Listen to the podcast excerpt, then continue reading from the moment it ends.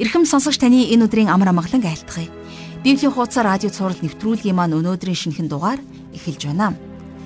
Тэгэхээр номлогчийн үгс ном бол Соломоны амьдралын утга учирыг эрен хайсан эрэл хайгууллаар үргэлжилж байна. Өнөөдөр Соломон зөвхт амьдралаас утга учиртай амьдралыг хайж байна. Хүн хэдийгээр зөв сайныг үлдэж зөвхт амьдралаар амьдрахыг хичээж бүх хүнд таалагдхуйцаар амьдрч үүнийг амьдралын утга учир болгосон ч Хэрвээ энэ бүхэнд нь үүний төвд нь бурхан байхгүй бол тэр хүний амьдрал утгагүй хоосон болох болно. Хүмүүс маань хичнээн зүв байхыг хичээсэн ч гэсэн заримдаа бусдыгаа орхихгүй тулд тэдний гим нүглийн дунд хамт байх хэрэг гардаг. Соломон хаан тэгж их ивэгцснийхээ дараа ингэж зөхөрсөн шалтгаан бол хүнд бүх юм байсан ч сул дорой гэдгийг ойлгосон учраас юм. Өнөөдөр бид нар энэ талаар үргэлжлүүлэн судлах болно. Өнөөдрийн судлах хэсэг бол Номлогчийн үгс 9 дугаар бүлгийн 1-ээс 13 дугаар ишлэл байх болно. Ингээд хичээлийн ихэнд энэ цагийг бурхан дүргэж хамтдаа залбирцгаая. Бурхан эзэн минь, энэ цагт таны нэрээр дуудагдсан таны хүүхдүүд бид таны өмнө ирээд таны үгийг хүсэмжлэн залбирч байна. Эзэн минь ээ бид таны үгээр дамжуулан таныг улам илүү таньж мэдэж тантай ойртон нөхөрлөхийг хүсэж байна. Та өөрийнхөө үгээр дамжуулан бидэнд өөрийгөө илчлэн харуулаарай. Өөрийнхөө түүс хүслийг та бидэнд илчлэн ойлгуулаач. Бид таны үгийн дагуу амьдрахын тулд биднийг ариун сүнсээрээ та удирдан жолоод орой. Энэ цагийг бид таньдаа өргөж байна. Их эзэн минь та алдарш болтугай. Бүх зүйлийг таны мотор таатгаж эзэн Есүсийн нэрээр залбирanгуйлаа. Амен. Ингээд хамтдаа жаргал агших хичээлд анхаарлаа хандуулцгаая.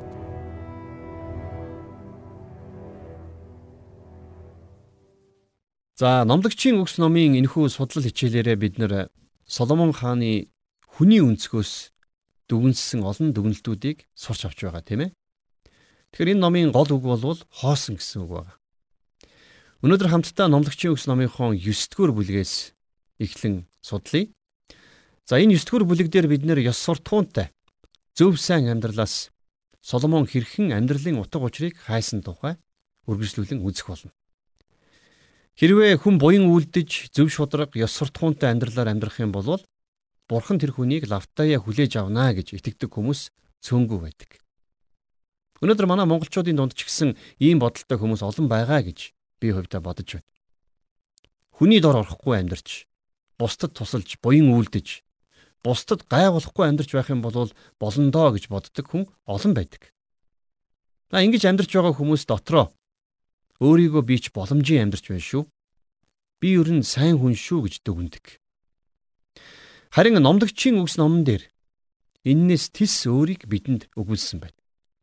Энэ бол наранд орох хүмүүсийн итгэл үнэмшил боловч Христэд итгэгчид бид нар ийм байр суурьтай байж болохгүй гэдгийг Библи маш тодорхой хэлдэг байна. Номлогчийн үгс номон дээрх зарим ишлэлийг харах юм бол Библиэс зөрөөтэй ч юм шиг санагдмаар. За маш олон философчид энэ номноос иш татаж өөрсдийн гүн ухааныг боловсруулсан байдаг. А гэхдээ энэ бол наран доорх хүн буюу бурханд итгэдэггүй хүний өмнөөс амьдралыг дүгнэж байгаа тэр дүгнэлтүүд гэдгийг бид нар ойлгох хэрэгтэй. А тэгвэл яаж яваад ийм ном Библийн дунд орчихсон юм бэ гэх асуулт гарч ирнэ. За харин энийг ойлгохын тулд бол бид нэр энэхүү номын зохиогчийн гол санааг ойлгох хэрэгтэй. Энэ номоор Соломон хаан биднэрт яг юу ойлгуулахыг хүссэн бэ? Итгэгч та биднэрт ямар зүйлийг ухааруулахыг хүссэн юм бэ? Соломон хаан бурхангүйгээр энэ амьдралд хэрхэн аз жаргалтай амьдарч болох вэ гэдгийг туршиж үзсэн туршилтаа энэ номон дээр буулгасан байна. Тэрээр янз бүрийн зүйлсийг наран доор туршиж үзсэн. За тэгвэл өнөөдөр бурханд итгэдэггүй хүмүүс яг л ийм амьдралаар амьдардаг.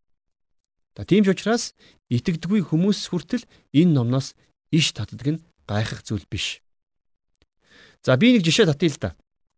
Бид нар газрын өндрийг далайн төвшнөр хэмждэг штеп далайн төвшнөөс дээш доош гэж хуваадаг тийм ээ. Тэгэхээр үнэндээ далайн төвшнөөс дээшх амьдрал нэг өөр, маа доош амьдрал нэг өөр тийм ээ. Усан доорх ертөнц нэг өөр, за далайн дээрх ертөнц бас нэг өөр. Усан доор сэлүүртэй загас амьдардаг, далай дээр жигүүртэн шууд амьдардаг. Энэ бол тис өөр хоёр амьдралын хэлбэр тийм ээ. Шувуу далайн загсыг хараад далавчгүй гэж шүүмжилж болохгүй. Заан амьтдын хувьд далайн төвшин гэдэг доор байхад Далайн ёроолын амьтдын хувьд далайн төвшин гэвэл тэдний дээр нь байх жишээт. Тэгвэл номлогчийн үгс номон дээр наран доор гэж хэлсэн нь ямар учиртай юм бэ? Итгэгч та бидний амьдрал бол бурхантай хамт амьдрах тэнгэрлэг амьдрал. Харин наран доор хүмүүсийн хувьд бурхан гэдэг тэртээ дээр байгаа нэг юм шүү дээ. Өөрөөр хэлэх юм бол бид нэр тис өөр хоёр ертөнц, тис өөр хоёр амьдралын талаар ярьж байна гэсэн үг. Наран доорх амьдрал гэдэг бол бурхнаас ангид амьдралыг хэлж байгаа юм. Энэ амьдралаар амьдрагч хүний хувьд ирээдүгөө бурхангүйгээр төсөөлдөг. Харин Христэд итгэсэн хүний хувьд эсэргээрээ. Христэд итгэгч хүний хувьд бурхны нэгүслэр аврагдсан учраас амьдрал нь бурхны нэгүслийн илэрхийлэл болж байдаг. Тэгэхээр энд тис хоёр өөр амьдрал байна. Энэ хоёр амьдралд тис өөр зарчмууд үйлчлэнэ. Нэг амьдралд нь нийцэх зарчим, нөгөө амьдралд нь нийцэхгүй. За тийм ч учраас бид нар Колосын 3 дугаар бүлгийн 1 дугаар ишлэлдэр хэлсэн. Тиймээс хэрв та нар Христтэй хамт амьлуулагдсан юм бол дээгүүрх зүйлсийг ирсээр бай. Тэнд Христ Бурхны баруун талд заларч байгаа гэсэн үгийг итгэгч биш хүнд хэлээд ямар ч нэмэргүй. Яагад гэвэл итгэдэггүй хүн Христэд итгээгүй байгаа учраас Христтэй хамт амьлуулагдаагүй гэсэн үг. Тийм ч учраас тэд нэр дээгүүрх зүйлсийг ирж хайж чадахгүй. Харин эхлээд тэр хүн Христийн дотор дахин төрж байж цоо шин бүтээл болох хэрэгтэй. Тэгэхээр Христэд итгэгч биш хүнтэй бид нэр итгэгч хүнтэй ярьж байгаа юм шиг ярих боломжгүй байгаа биз? Яагаад гэвэл тэр хүн Христэд итгэдэггүй. Хэрвээ бид нэр итгэгч биш хүнээс итгэгч хүний хийх ёстой зүйлийг хийхийг шаардах юм бол зөөрлүүлж хэлэх юм бол чоныг махнаас гаргах гэж оролдож байгаатай л яг адилхан зүйл болох болно. Чон махандаа дуртай. Хонь өвсөндөө дуртай байдаг шүү дээ. За тэгэхээр номлогчийн үгс номон дээр Соломон хаан өөрийнхөө амьдрал дээр хийж үзсэн туршилтууд нь гардаг болох талаар бид үздэсгээс. Соломон амьдралын утга учирыг хайж наран дор хүний хийж болох бүх л зүйлийг хийж үзсэн. Номлогчийн үгс номон дээр гарч байгаа үйл явдлыг бид нар энэ өнцгөөс нь л харах учиртай гэдгийг дахин хэлмээр байна. Соломон хаан мэрэгэн ухааныг мөшгөөд эцэст нь энэ бүхнээс гадна хүүмэн олон ном зохиогоод төгсгөлгүй ба үлэмжийг сурах нь бие махбодод халтай гэдгийг санаж явтугай гэсэн дүгнэлтэнд хүрсэн байна. Тэр янз бүрийн байдлаар амьдралаас утга учирыг хайсан ч гэсэн эцэст нь бүх зүйл хоосон гэсэн дүгнэлтэнд хүрсэн юм. Тэр эд баялагаас утга учирыг хайсан ч гэсэн эцэстээ мөнгийг хайрлагч нь мөнгөнд үл ханах ба элбэг дэлбэгийг эрхэмлэгч нь орлогодоо эс цадах энэ нь бас л хоосон гэж дүгнэс. За тэгээд дараагаар нь Соломон шашин шүтлгээс амьдралын утга учирыг хайсан ч гэсэн бас л утга учирыг олж чадаагүй. Дараа нь тэр сайн нэр, ёс зүйтэй амьдралаас амьдралын утга учирыг хайсан байна. Гэхдээ энэ нь ч гэсэн бас хоосон байсан тийм ээ. Өнөөдөр бид нар ч гэсэн бас ялгаагүй амьдралдаа зугаад цэнгэл нарийн цэнгэний хойноос хөөцөлдөж болно. Яг л Соломон хааны мөшгсөн тэр бүхнийг бүгдийг мөшгөж болно. Гэхдээ эцсийн эцэст Амьдрал гэдэг бурхангүйгээр Есүс Христгүйгээр авралгүйгээр утгагүй хоосон байдаг. Августин өөрийн өчил химээх алдартай бүтээлдээ Хүмүүн биднийг өөрийнхөө төлөө бүтээсэн учраас таны дотор амрах хүртлээр амар тайвныг ис олё гэж бичсэн байна. Үнэхээр хүмүүс бидний зүрх сэтгэлд бүх дэлхий багтсан ч бид нар ханаж чадахыг мэддэггүй. Бидний амьдралах асуудлын цорын ганц хариулт бол Есүс Христ. Харин бусад бүх зам эцэстээ та биднийг утгагүй хоосон байдал руу хөдөлдөг. Харин Христтэй хамт амьдрал бол элбэг хангалуун байдаг юм а. Ингээд өнөөдрийнхөө хичээлийг хамтдаа 9 дугаар бүлгийн 1 дугаар ишлэлээр эхлүүлье. Шудраг ба ухаантнууд тэдний үйлс нь мөн Бурхны гарт хэрхэн байдгийг шалгахаар Би энэ бүхнийг зүрхэндээ тунгав. Хүн өмнө нь байгаа хайр үзэн ядалт хоёрыг үл ялгадаг ажээ гэж Соломон бичсэн байна. За ийм хүмүүс ирээдүйдээ санаа зовдөггүй. Яагаад гэвэл тэд нэр ирээдүйд үн мөнхийн зүйлс биднийг хүлээж байгаа гэдгийг мэддэггүй. Тийм ч учраас ирээдүйдээ ямар ч санаа зовлтгүй, ямар ч хариуцлагагүй амьдардаг. Хоёрдугаар ишлэлдэр энэ нь бүгд адилхан хоосон байдаг. Зөвхт ба буруут, сайн ба муу, ариун ба бузар Дахил өргөдөг ба дахил өргөдөггүй аль алинд нэг л хувь тавилан байх аж. Сайн хүн ба нүгэлтэн тангараг өргөгч ба тангарахаас имээгч нэгэнд ч бас өөрцгүй билээ гэсэн байна. Тэгэхээр Соломоны хувьд хаашаач явсан ямар ч амьдралаар амьдрсан ялгаагүй л адилхан юм шиг санагдаж байсан байна. А бүхэл зам эцэстээ нэг л төгсгөлд хүрч байгааг Соломон ухаарчээ. Гэхдээ энэ бол Бурханаас бидэнд өгч байгаа ухаарл биш.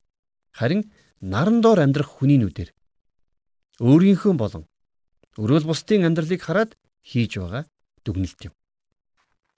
3 дугаар эшлэл дээр наран доор бүх юмсад буюу бүгдэд нэг л хувь тавилан байдаг нь гай юм. Хүмүүний хүүгүүдийн зүрх муу муухайгаар дүүрч амьдралынх нь туршид зүрхэнд нь солиор л байх ажээ. Дараа нь тэд үхэл рүү одох бүлгөө. Нэгэнт хүн бүхэнд ялгаагүй үхэх юм бол яагаад бид нар ажиллаж хөдөлмөрлөх ёстой юм бэ? Бид нар бүгдээрээ л амьдрал хэмээх нэгэн том суглааны нэг хэсэг. Нөхцөл байдал цаг үеийн золиос юм биш үү? Өнөөдөр хүмүүсийн дотор байдаг янз бүрийн гүн ухааны үзэл бодол, байр суурьуудыг бүгдийг л аль эрт Соломон хаан хилчгсэн байх шүү дээ.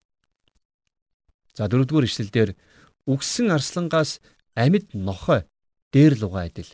Амьд байгстад бас ч найдлага бий. За тэгэхээр хэрвээ бид нар наран доорх амьдралын замыг дагах юм бол маргаашд өгөхөөс хойш өнөөдөртөө идэж ууж наргиж цэнгэж авъя гэсэн дүгнэлтэнд л хүрэх болно. За ийм тохиолдолд тэнэг мунхаг байгаад ч мэрэгэн түргэн байгаад ч ялгаагүй. За нөгөө талаасаа ийм хүмүүсийн хувьд ч үгснээс амьд байсан дэр. Яагаад гэвэл амьд байх зураа бид нар идэж ууж наргиж цэнгэж чадна шүү дээ.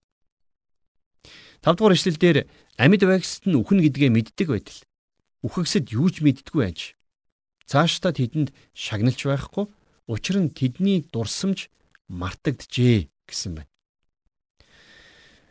Хүн өгөхэд бүх зүйл харгах болж, бүх зүйл дууснаа гэж итгэдэг хүмүүс байдаг. Гэхдээ энэ бол наран доор амьдарч байгаа л хүний өөрийнхөө оюун бодлоор гаргаж байгаа дүгнэлт. Хүн өгөхэд бүх зүйл дуусна. Үхлийн цаана юуж байхгүй гэж итгэдэг хүмүүс олон байдаг. Тийм учраас хүмүүс нэг л олдох амьдралд бүхнийг хийх хэрэгтэй.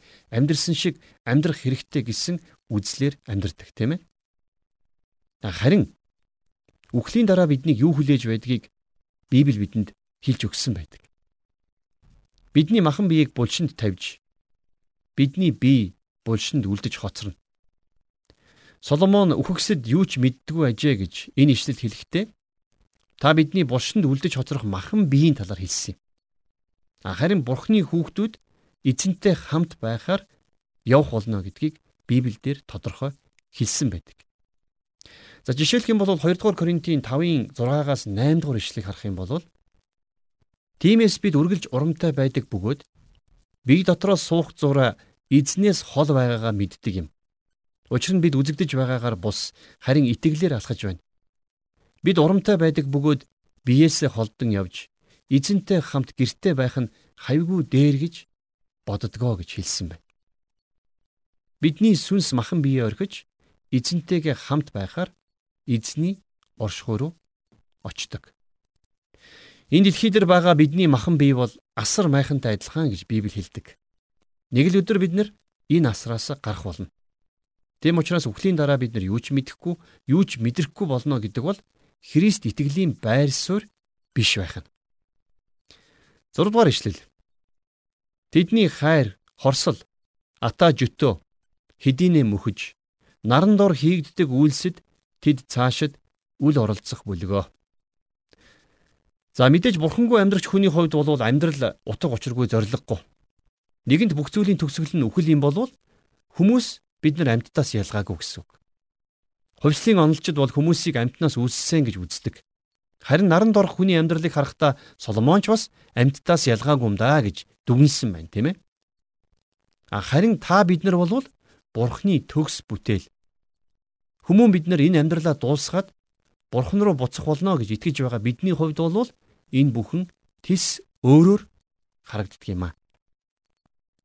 7 дугаар ишлэлдэр Бурхан үйлсийг чинь сайшааж байгаа бол яв. Талхаа баяртайгаар ид зүрхэндээ жаргалтайгаар дарсаа уу гэсэн байна.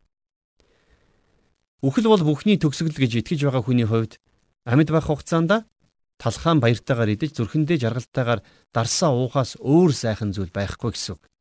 За энэ бол бурхангүй амьдралын нэг хэвийн хэв маяг юм аа.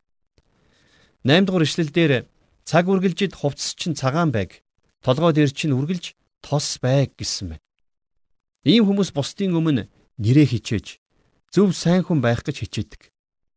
Гэхдээ бурхан байхгүй учраас хэдий ингэж хичээсэн ч гэсэн амьдрал нь утга учиргүй байдгийг. 9 дугаар ишлэлдэр наран доор түүний чамд өгсөн утгагүй амьдралын бүхэл өдрүүдэд өөрийн хайрт эмэгтэйтэй жаргалтайгаар амьдрах тун. Энэ нь наран доорх чиний зүтгэсэн зүтгэл болон амьдралын чинь хувь болоо гэсэн байна. Гэр бүлийнхээ амьдрал аз жаргалтай байх нь чухлаа гэдгийг Соломон энд хэлсэн байна. Христэд итгэгч биш ч гэсэн аз жаргалтай сайхан амьдардаг олон гэр бүлүүд байдаг.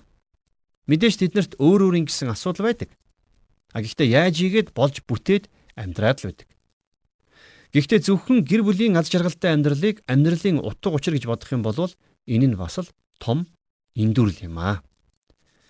10 дугаар ишлэлдэр гарчин юуг хийхээр тэмүүлэн түүнийг бүхий л чадлаараа хийх тун. Учир нь чиний очих үхсдийн оронд мэрэгэн ухаан, ажил үйлс, бодох, сэтгэх гэдэг нь байхгүй гэсэн байна. За үнэхээр булшин дотор хүн бодож сэтгэж ажиллаж хөдөлмөрлж чадахгүй шүү дээ. Нас барсан хүний тарих толгой ажиллахгүй, гар хөлнж хөдлөхгүй. Соломон хаан энд зөвхөн нас барсан хүний махан биеийн тухай ярьж байгаа гэдгийг бид санах хэрэгтэй. Гар чинь юу хийхээр тэмүүлэн тэрнийг бүхий л чадлаараа хийх тун гэж Соломон хэлсэн байна.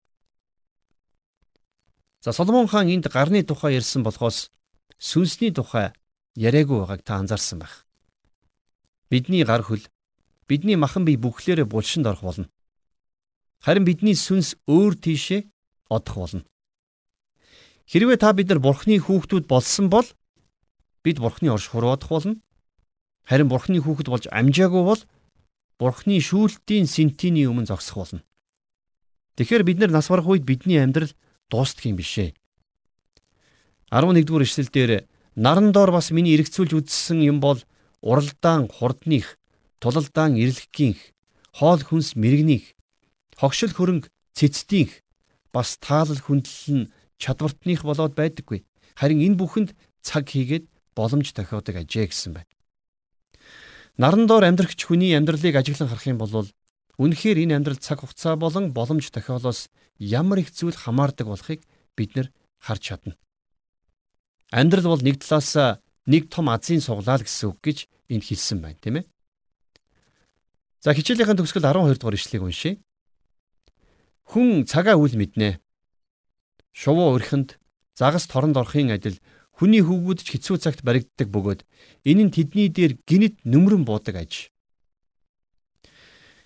Хэрвээ хүний амьдрал дах бүх зүйлс хүнээс өөрөөс нь биш харин зөвхөн цаг хугацаа болон боломж тохиолоос хамаардаг юм бол хүн гэдэг торонд орсон загаснаас ялгаагүй биш үү гэж Соломон энд хэлсэн байна.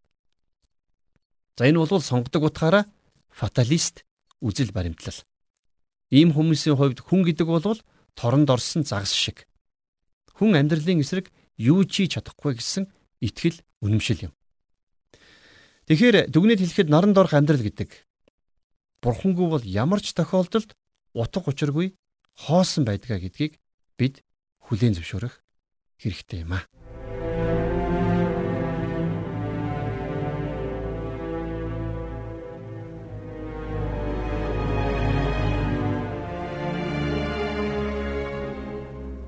Тэгэхээр өнөөдрийн хичээл үнэхээр гайхамшигтай байлаа.